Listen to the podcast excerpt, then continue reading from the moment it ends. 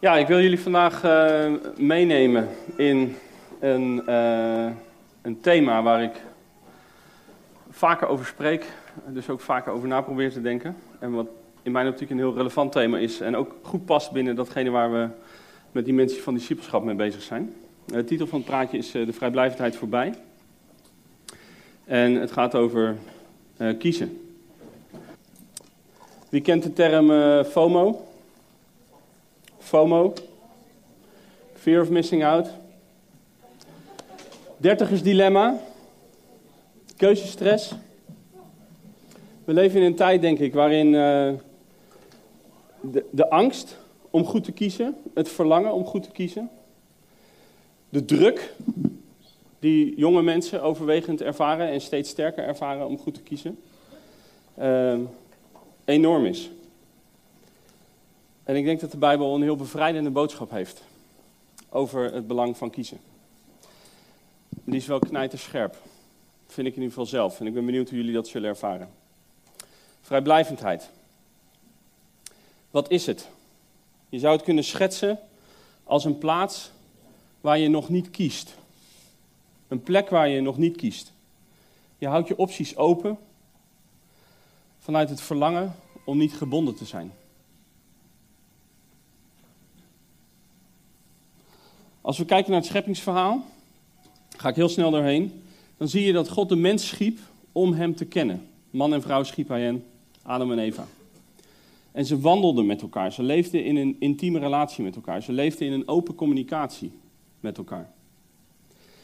En al in het begin zien we dat Adam op een natuurlijke manier afhankelijk is van God. Hij krijgt de opdracht om de dieren namen te geven. En ik kan me voorstellen dat hij in overleg was, hè, dat staat er niet, maar met God. Van heer, waarom hebt u dat beest met die lange nek? Wat voor gedachten zit erachter? En dan dacht hij erover na en dan zei hij giraf. Dat zeggen wij vandaag de dag nog steeds. Of die hele dikke met die slurf. Nou, jullie kennen het verhaal. Hij wandelde naast God. Dat staat er. Elke, elke, elke dag in de avondkoelte wandelde God met de mens. En ze keken naar alles wat gemaakt was. En het was zeer goed. En dan zien we dat er een slang aanwezig is in de hof. Die het gesprek opent met de mens. En die hem en haar verleidt om op te staan tegen God. Hoe doet de slang dat? Door een leugen te vertellen. Waar God heeft gezegd dat alles wat hij gemaakt heeft zeer goed is. En die de mens de ruimte gegeven heeft om in die goedheid met hem te zijn. Daarvan te genieten, daarover te heersen.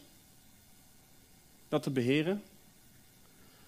Zegt de slang, God heeft iets achtergehouden. God heeft iets niet gegeven. En als je dat zou hebben, dan zou je aan hem gelijk kunnen zijn. En God heeft gezegd, al die bomen, maar er zijn een paar bijzondere bomen. De boom van het leven. Zolang je daarvan eet, zul je nooit sterven. En er was een andere boom, de boom van kennis van goed en kwaad. En daarvan had God gezegd, daar moet je afblijven. Wat is de essentie van wat de slang doet? Ik denk dat de kernleugen is van de slang dat er iets goeds bestaat buiten God. Buiten wie hij is, buiten wat hij geeft, buiten wat hij zegt. En waar de mens door na te denken over die leugen, over die misleiding, in zijn hart begint te wantrouwen aan de goedheid van God. Is het effect dat hij kiest om precies datgene te doen waarvan God had gezegd dat moet je niet doen. Dat gaat je schade doen, dat gaat onze relatie schade doen. Dat gaat je plek in de schepping schade doen. En dat gebeurt. En in plaats van die relatie van natuurlijke afhankelijkheid, hè, de mens wandelde naast God en ze keken samen naar hetzelfde en overlegden daarover, kiest de mens om tegenover God te gaan staan. En staat hij in zijn hart op tegenover God. Wat klopte aan het verhaal is dat zij en wij, als hun afstammelingen, de kennis van goed en kwaad ontvingen. Wat niet klopte aan het verhaal, was dat we daarmee aan God gelijk zouden zijn. Dat we met die kennis in staat zouden zijn om op een goede manier beheer te voeren over de schepping. Om op een goede manier te heersen. Om op een goede manier relaties in te vullen, zodat die gezond zouden blijven en leven zouden voortbrengen.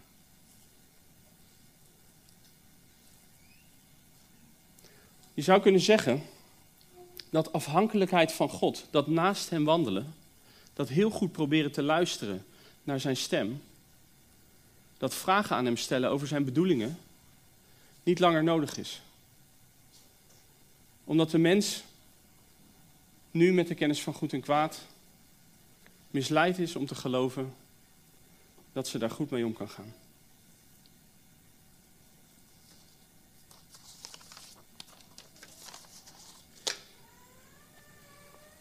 In Jacobus 4 staat, vers 6, God wederstaat de hoogmoedige, maar de nederige geeft hij genade.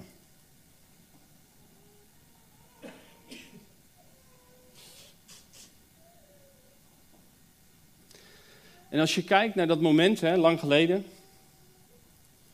en je kijkt naar het effect wat steeds sterker werd naarmate de mens verder verwijderd raakte van God, dan zou je denk ik kunnen zeggen dat de mens steeds verwarder raakte. Niet alleen nam de afstand toe, maar ergens in de psalmen staat de mens, een dwaas zegt in zijn hart, er is geen God. En niet om tegen mensen die niet in God geloven te zeggen, jullie zijn dwaas. Maar het is een beeld van de realiteit van het verwijderd raken van God. Dat we zo ver verward zijn geraakt over wat werkelijk ja, waar is, wat werkelijk gezond is. Dat we in ons hart geen rekening meer houden met zijn aanwezigheid. Ik denk dat je dit in de cultuur ziet. in het Engels zeggen ze wel eens: sin is I in the middle. De mens staat centraal in plaats van God. Zelfverwerkelijking, zelfvoorziening, zelfverheerlijking. Die invloeden die om ons heen zijn, die vaak denk ik door ons heen gaan, om het zelf te moeten doen?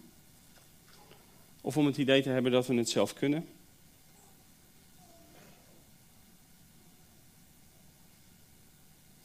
Dus wat belangrijk is, is denk ik, wat ik probeer te schetsen, is dat die plek van natuurlijke afhankelijkheid, dat naast God zijn, afgestemd zijn op Hem, verbonden zijn met Hem, luisteren naar Hem, veranderde in een positie van tegenover. Waarin God dingen zegt, dat doet hij nog steeds. Dat deed hij in het Oude Testament door de profeten en door de wet. En nu in de laatste dagen heeft hij tot ons gesproken in de Zoon, zegt het Nieuwe Testament.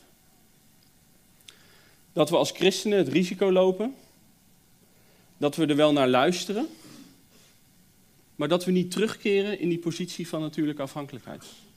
Dat we luisteren vanuit die positie van tegenover. Dat we luisteren met ons besef van goed en kwaad wat gevormd is door onze ervaringen, door de dingen die we tot nu toe hebben meegemaakt, door de waarden waarmee we zijn opgegroeid, door onze cultuur. En dat we overwegen wat God zegt. Dat we afwegen hoeveel autoriteit we daaraan toe willen kennen. Was Jezus vrij?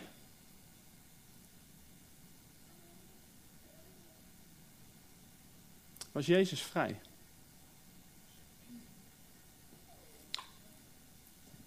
Ik denk het wel. Ik denk dat Jezus besefte dat het vrijheid is om de wil van de Vader te doen. Dat Jezus wist, niet theorie, maar dat hij gewoon wist, vanuit de verbinding met de Vader, dat als hij had gezondigd, als hij niet had geluisterd, dat hij onvrij was geworden. Dus Jezus geloofde niet in een definitie van vrijheid zoals wij dat misschien vandaag de dag zouden schetsen. Vrijheid is om te doen wat je wil, om te kunnen doen wat je wil. wanneer je dat wil, op de manier waarop je dat wil. En nog wat van die dingen die te maken hebben met onze verlangens, dat wij kunnen uitleven, dat wij kunnen doen, dat wij kunnen naar ons toe kunnen halen, kunnen realiseren wat wij belangrijk vinden. Jezus' definitie van vrijheid was gehoorzaamheid aan de Vader. En hij zegt tegen zijn leerlingen, en dat zegt hij ook tegen ons, dat kan je lezen in Johannes 8. Jezus dan zeide tot de Joden die in hem geloofden: Als je in mijn woord blijft, ben je waarlijk een discipel van mij. En je zult de waarheid verstaan, en de waarheid zal je vrijmaken. Zij antwoordden hem: Wij zijn Abrahams nageslacht, en wij, zullen nooit iemand wij zijn nooit iemand slaven geweest. Waarom zegt u dan: Je zult vrij worden? Jezus antwoordde hun: Voorwaar, voorwaar, ik zeg je: een ieder die de zonde doet, is een slaaf van de zonde. En de slaaf blijft niet eeuwig in het huis, de zoon blijft er eeuwig. Wanneer dan de zoon je heeft vrijgemaakt, zul je werkelijk vrij zijn.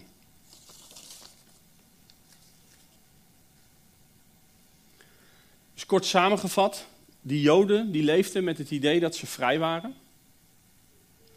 Terwijl Jezus tegen hen zegt, jullie zijn gebonden, jullie zijn slaven. Zij keken naar hun natuurlijke afstamming, maar wij zijn toch kinderen van Abraham. Jezus keek naar hun geestelijke afstamming.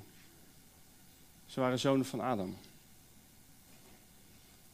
En net als Adam leefden ze vanuit die positie van tegenover. En zegt Jezus, er is een route. Er is een woord. Dan wijst hij natuurlijk op zichzelf. Dat doet hij steeds in de evangelie. Hij is het woord, het levende woord. Hij is de waarheid met een hoofdletter. En er zijn woorden van God gegeven. Die je kunnen helpen om weer dicht bij hem in de buurt te komen. Autonomie. En dat wij kunnen doen wat wij willen. Dat wij in staat zijn om de kennis van goed en kwaad op een manier te beheren dat het ons vrijheid brengt en ook onze omgeving, is een illusie. Vrijblijvendheid, het blijven op een plek waar je niet kiest, waar je je opties openhoudt, uit wat voor gevoelsmatig goede reden dan ook, of angst om het te missen, is een leugen. Ik denk dat de waarheid van de Bijbel is, en zoek het zelf op, denk erover na alsjeblieft, dat we altijd gebonden zijn. Of aan God, of aan iets buiten Hem. Een voorbeeld, vergeving. het onderwijs van het Nieuwe Testament over het belang van het vergeven van anderen is vrij radicaal. Is vinden wij denk ik soms niet echt pastoraal. Het zoomt gewoon in op de absolute noodzaak van het loskomen van onvergevingsgezindheid. En besteedt daarin niet heel veel aandacht, en dat doen wij gelukkig wel natuurlijk in een pastorale gemeente als dit, aan het erkennen van de moeite, aan het erkennen van het proces wat er nodig is soms om tot vergeving te komen in hele diepe dingen. Maar het is vrij zwart-wit. Je moet vergeven. Anders zal je overgegeven worden aan je folteraars, zegt Jezus op het moment dat hij een gelijkenis hierover vertelt om het een beetje beeldend uh, neer te zetten. Nou, wat is het hart van God daarachter? Niet dat het moet gebeuren op de manier zoals hij wil. Het hart van God daarachter is een hart van compassie. Is de realiteit van de schepper dat op het moment dat we niet tot vergeving komen van diegenen die ons kwaad hebben gedaan. Dat we zullen leven met bitterheid, dat we zullen leven in de gevangenis van haat, van vroeging. Dat we vast zullen blijven zitten aan datgene wat achter ons ligt, zodat we niet vrij zijn om toe te leven naar datgene wat voor ons ligt. Je bent altijd gebonden. Of aan God en zijn woord, in een proces, als het dus even over vergeving gaat, waarin die vrijheid groeit? Of aan datgene waarvan hij zegt, je moet het loslaten. Een ander voorbeeld, Matthäus 6. En misschien ken je de bergreden. Als Jezus zegt, je kunt niet twee heren dienen. Want je zal of de ene haten en de andere lief hebben, of andersom. Je kunt niet God dienen en de mammon.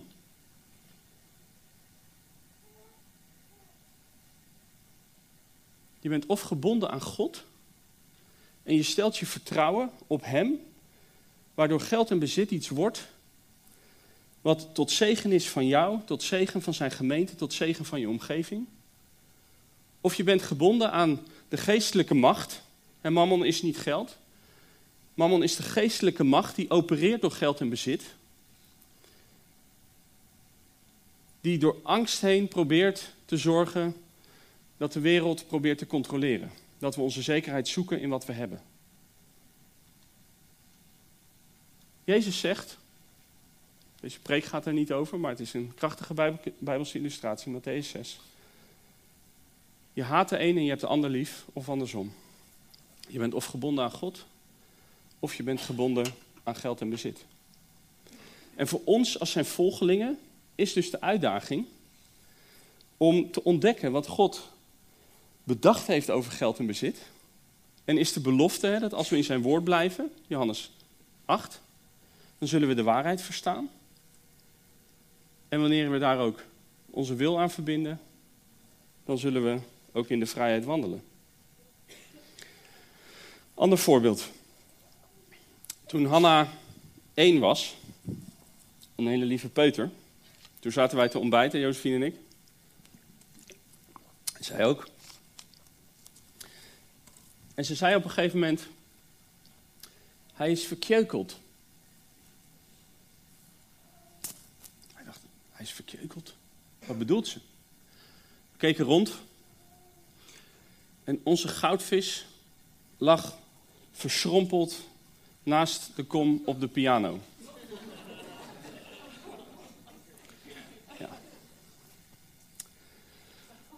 We hebben nu katten. Bid met ons dat met hen niet hetzelfde zal gebeuren.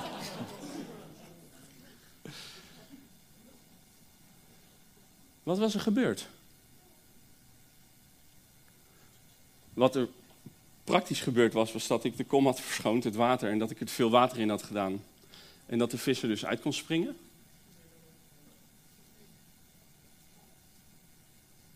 En ik denk niet dat die goudvis zijn leefomgeving zat was.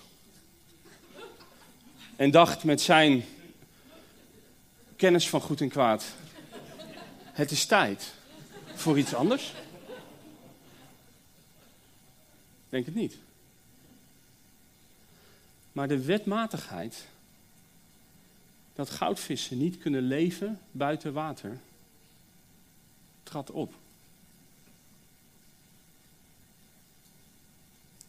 zijn altijd gebonden. Aan God, aan Jezus, aan de Heilige Geest. Aan zijn richting, aan zijn hoop, zijn woord. Of aan de dingen buiten hem.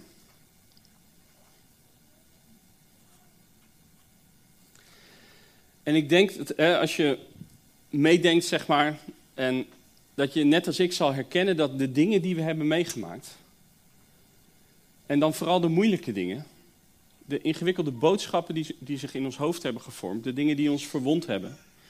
Die maar blijven jeuken, die blijven trekken, die blijven triggeren. De onverhoorde gebeden. Het misbruik van macht of van autoriteit.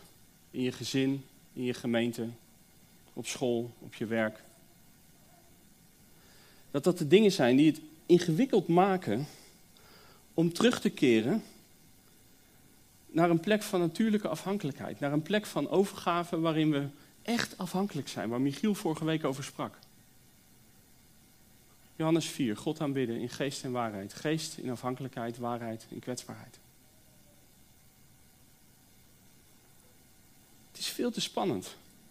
En het beeld wat we van God hebben is dus zo belangrijk. Dat dat vernieuwd wordt steeds dieper.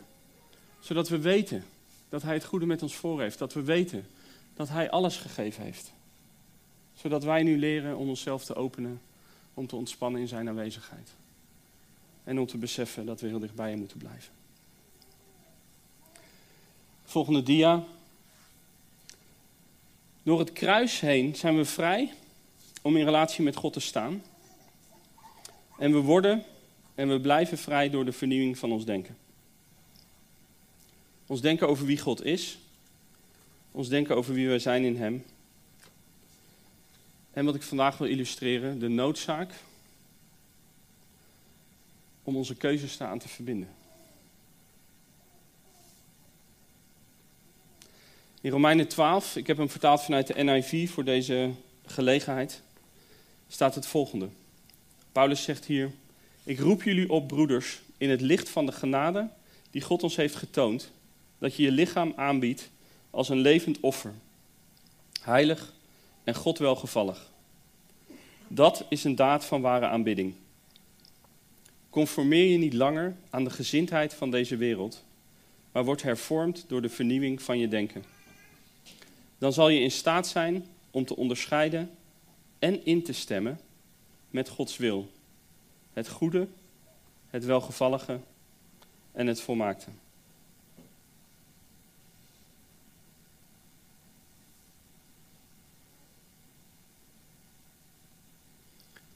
Paulus zegt: geef je leven, andere vertaling zegt: geef je lichaam weg. Geef het terug aan degene van wie je het hebt gekregen. Christelijke overgave is teruggeven aan degene van wie het is. En herken dat je beïnvloed bent en continu beïnvloed wordt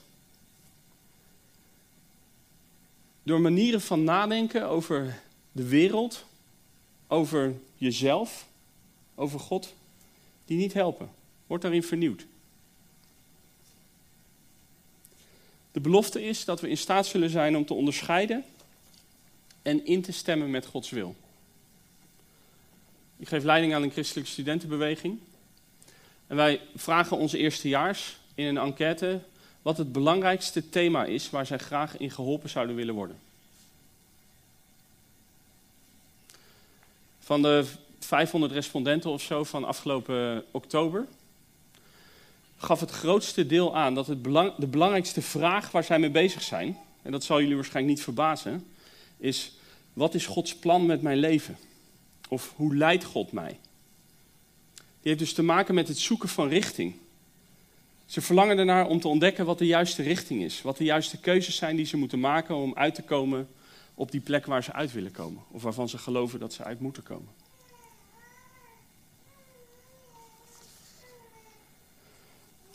Maar verwarring over Gods wil, het niet weten wat God belangrijk vindt, is niet ons kernprobleem.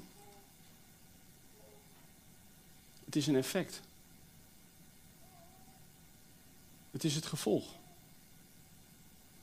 van die positie van tegenover. Van dat opstaan tegenover God. Van dat zelfbeheren van goed en kwaad. In heel veel kleine en grote keuzes die ik in ieder geval heb gemaakt. En jullie waarschijnlijk ook op je eigen manier. En de oplossing, het antwoord op die vraag: hoe leidt God? Wat is zijn plan met je leven? Is voor iedereen heel persoonlijk. Want God heeft een heel persoonlijk plan met ieders leven. Maar de basis is voor iedereen hetzelfde. Het terugkeren naar dat uitgangspunt van natuurlijke afhankelijkheid. Het opgeven van onze autonomie. Het beleiden dat, dat in je eigen leven, en dat gaat over hele specifieke dingen, dat waar jij met de kennis van goed en kwaad aan de slag bent gegaan, dat je er een zooitje van hebt gemaakt.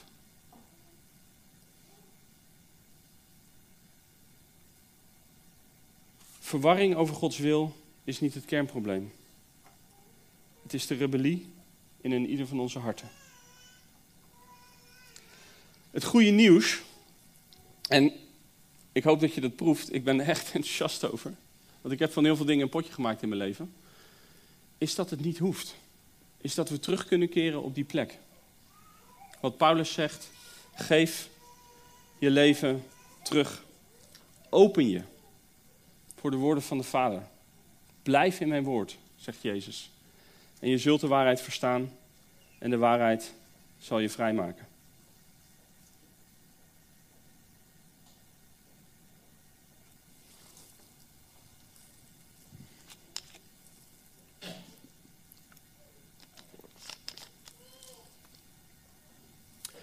Dus hoe ga jij, als je dat wilt, die vrijblijvendheid voorbij?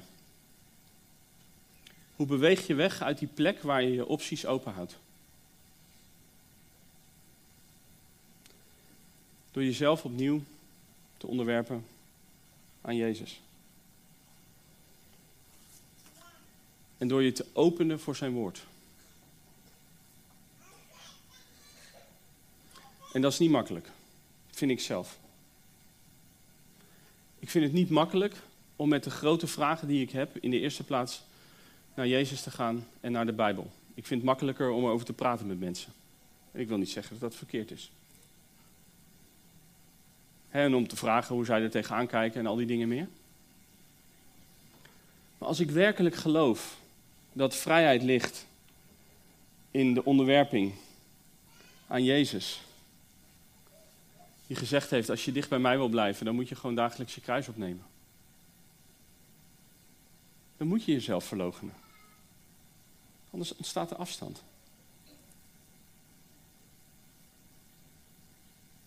Als ik werkelijk geloof dat dat niet het slechte nieuws is van het evangelie, de strenge Jezus. Ah, nice Jesus, we willen een lieve Jezus. En dit is dan even de strenge Jezus. Nee, het is goed nieuws. Hij zegt het is vrijheid. Dit is waarvoor je gemaakt bent. Je bent een goudvis. Dan heb ik tijd nodig in zijn woord dan moet ik prioriteit geven aan het lezen van zijn woord.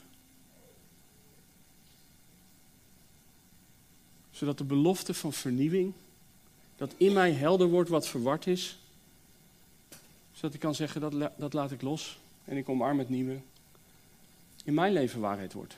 En ik niet die verwarring uitleef. In Hebreeën 5, vers 11 tot 14 staat het volgende. Hierover valt nog veel te zeggen. Maar het is moeilijk aan u uit te leggen, omdat u traag van begrip bent geworden. Werkelijk, u had toch inmiddels allemaal leraar moeten zijn. In plaats daarvan hebt u, zelf, hebt u er zelf een nodig om u opnieuw de grondslagen van het woord van God bij te brengen. Het is met u zo ver gekomen dat u weer aangewezen bent op melk in plaats van op vast voedsel. Wie melk drinkt is nog een klein kind en heeft geen weet van de draagwijte van de verkondigde gerechtigheid. Vast voedsel is voor volwassenen. Hun zintuigen zijn door ervaring geoefend en zij zijn in staat te onderscheiden tussen goed en kwaad.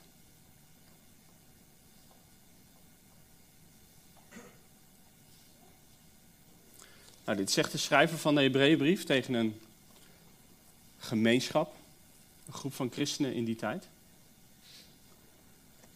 Voor mij is het een vraag. Als ik dit lees, is het een vraag. Joost, ben je volwassen aan het worden?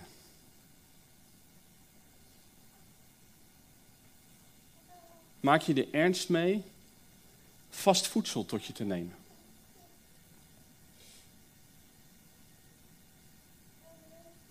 Ben je aan het groeien in het onderscheiden van goed en kwaad. Dat is dus niet het zelf een beetje beheren van de kennis van goed en kwaad, dat is dus het tegenovergestelde. Maar vanuit die plek van verbondenheid, van nederigheid, van luisteren, ben je aan het groeien in het onderscheiden van goed en kwaad. Zodat ik zelf vrijer word en de vrucht van de Heilige Geest in mijn eigen leven verdiept en dat openbaar wordt in mijn relaties, in mijn sfeer van invloed.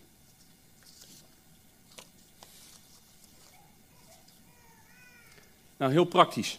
Ik denk dat de Bijbel echt, en ik lees maar één gedeelte wat het illustreert, en daarmee rond ik af, een routekaart geeft. Als je zegt, ik wil die vrijblijvendheid voorbij.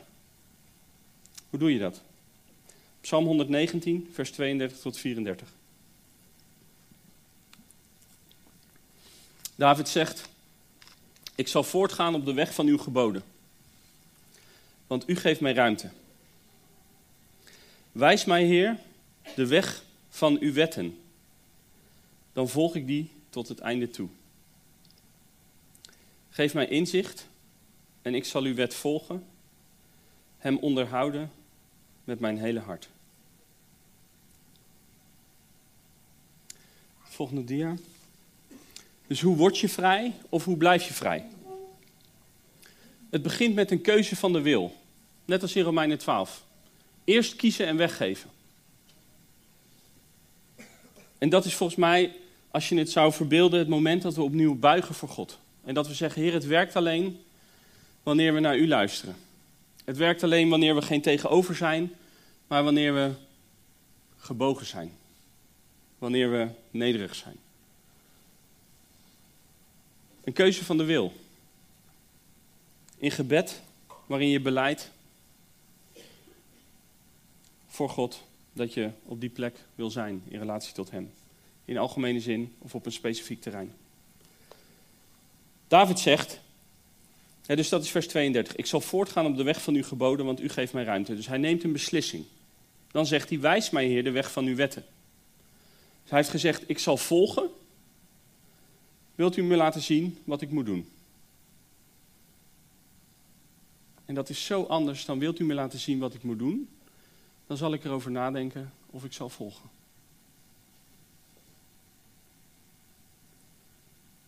Openbaar, u wil. Dan zal ik het doen. En dan zegt vers 34: Geef mij inzicht en ik zal uw wet volgen en me onderhouden met heel mijn hart. Nou, dat is Romeinen 12, vers 2. Dat je enthousiast raakt over Gods wil, omdat je in je hart merkt dat het een volmaakte goede wil is. We hadden afgelopen week in een van onze steden een avond over seksualiteit. De spreker die had nogal een, uh, een scherpe bijbelse boodschap, die niet echt meer uh, aansluit bij uh, het denken en het voelen van deze tijd.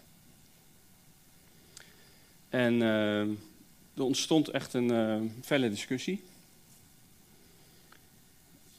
Een aantal van onze leden vonden dat hij niet respectvol sprak. En aan het einde van de avond was, nou, waren er allerlei gesprekjes. En hij gaf een collega van me terug. Hij zei, uh, dit is best uh, een postmoderne groep. Ik zei, ja, wat verwacht je? Dat is 2017. Hij zei, iedereen die, die met me in gesprek ging, die zei, ik vind, ik voel of ik wil. En het leek wel alsof we dus praten over, maar wat zegt het woord? met een hoofdletter.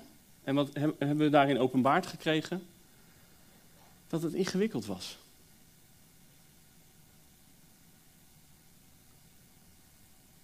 De belofte van de Bijbel is dat als je echt gaat studeren op seksualiteit vanuit een plek van. Ja, onderwerping is, is een naar woord, hè? vinden jullie het ook? Maar het is toch het beste woord wat ik. Op een plek van Jezus, u mag het zeggen.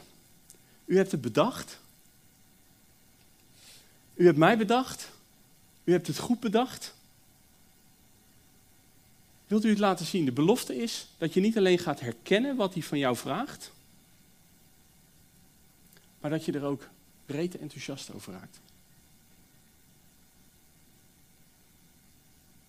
Het hart volgt. En op het moment dat we blijven leven, dat we het eerst willen beamen, dat we het eerst willen voelen, dat we eerst enthousiast willen zijn, voordat we gehoorzaam zijn, dan leven we de essentie van Genesis 2 en 3 uit. En dan vermenigvuldigen we geen vrijheid, maar gebondenheid.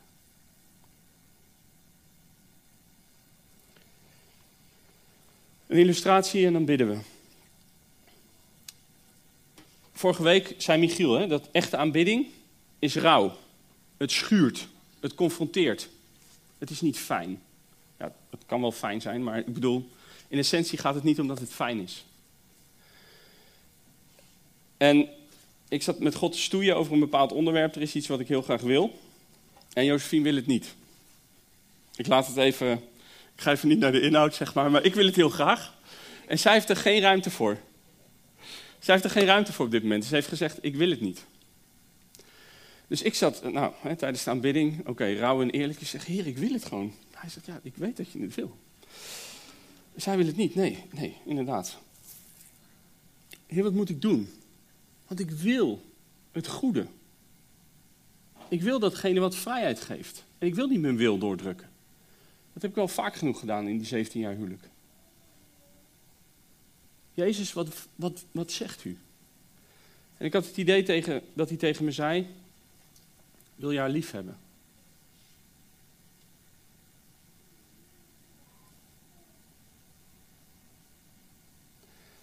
Nou, dat was niet het einde van het, mijn uh, ontmoeting met hem. Maar het was wel duidelijk wat zijn antwoord was. Je moet het voor nu loslaten, Joost. En terwijl ik het zeg, ik, ik, ik, heb, ik ben nog niet helemaal blij, zeg maar. Hè? Dus ik hou het een soort van nog. Het zit nog tussen ons in, zo van: jij hebt mij iets afgenomen. Dat is niet waar. Ik wil Jezus volgen. En Jezus heeft gezegd: je moet het loslaten, want je wil je vrouw lief hebben. Dus dat ik nog zoiets heb van: Josephine, je hebt iets van me afgepakt. Dat is iets wat ik met Jezus moet oplossen. En waarvan ik niet wil dat het zich openbaart in relatie tot haar. Maar mijn beslissing was, Jezus, wat u zegt, dat ga ik doen. En dan is het in mijn optiek, of sorry, ik moet het anders zeggen. In mijn ervaring is het geregeld niet heel ingewikkeld om te horen wat hij zegt. Het is wel verrot en moeilijk om het te doen, maar dat is wat anders. Verwarring is niet ons kernprobleem. Het is rebellie. We willen het zelf voor het zeggen hebben.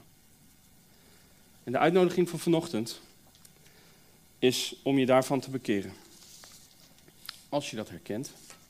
En als dat niet zo is, dan hoeft het niet. Ik wil twee minuten bidden. Of eh, tenminste, ik ga niet twee minuten bidden, we gaan twee minuten stil zijn. Maar als opening van die twee minuten bid ik een gebed. Een van mijn favoriete gebeden van de psalmist. Zend uw licht en uw waarheid. Want in uw licht zien wij het licht.